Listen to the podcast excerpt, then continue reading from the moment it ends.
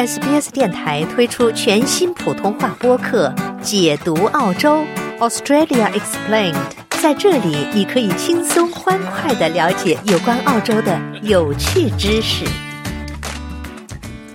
外交官们正在中东地区奔走，试图找到避免地区战争的方法。一些分析人士说，加沙战争已经在该地区蔓延，爆发点是红海。从十一月十九号以来，胡塞武装对船只发动了至少二十七次袭击。红海是欧洲和亚洲之间最短的航线，占全球海运贸易的近百分之十五，运载价值达一万亿美元。据英国国防部长格兰特·沙普斯称，从十一月到十二月，胡塞武装的袭击事件增加了五百倍。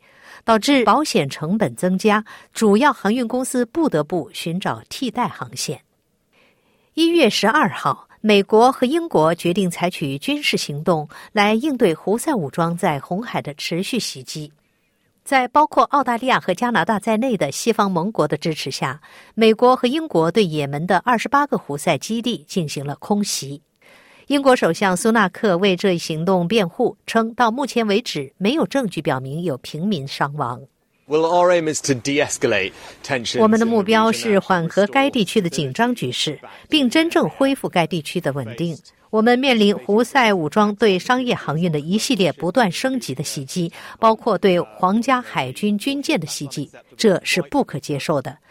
但是，我们对军事目标采取了相称的、有针对性的行动。以发出强烈信息，即这种行为是不可接受的，这是不得已而为之的。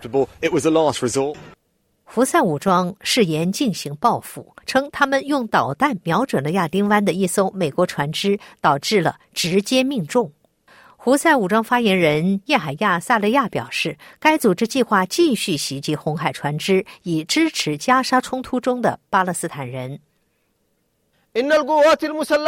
胡塞武装将所有参与侵略我国的美国和英国军舰和船只视为敌对目标。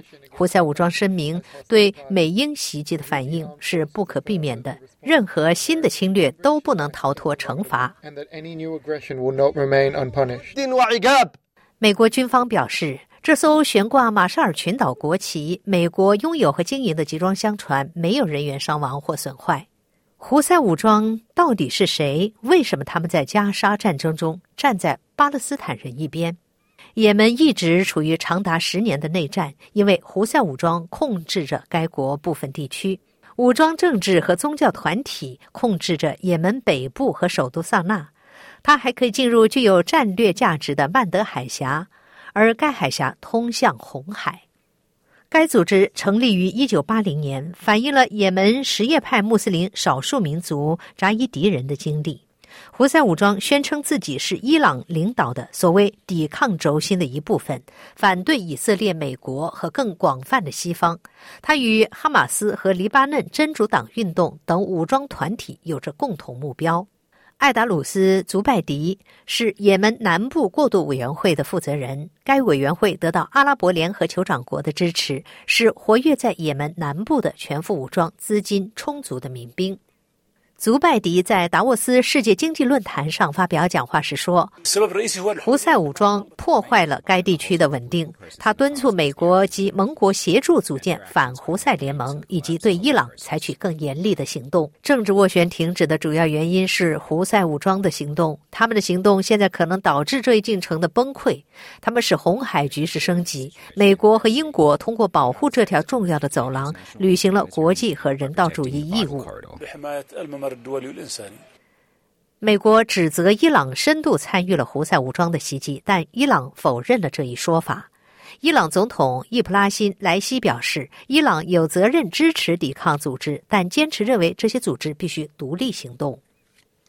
伊朗外交部长侯赛因·阿米拉布多拉西安表示，美国和英国对胡塞目标采取军事行动，向也门宣战了。他补充，只要加沙战争继续下去，胡塞武装将保持对红海船只的封锁，这些船只将开往以色列港口。他特别的向美国国务卿布林肯传达了一条信息。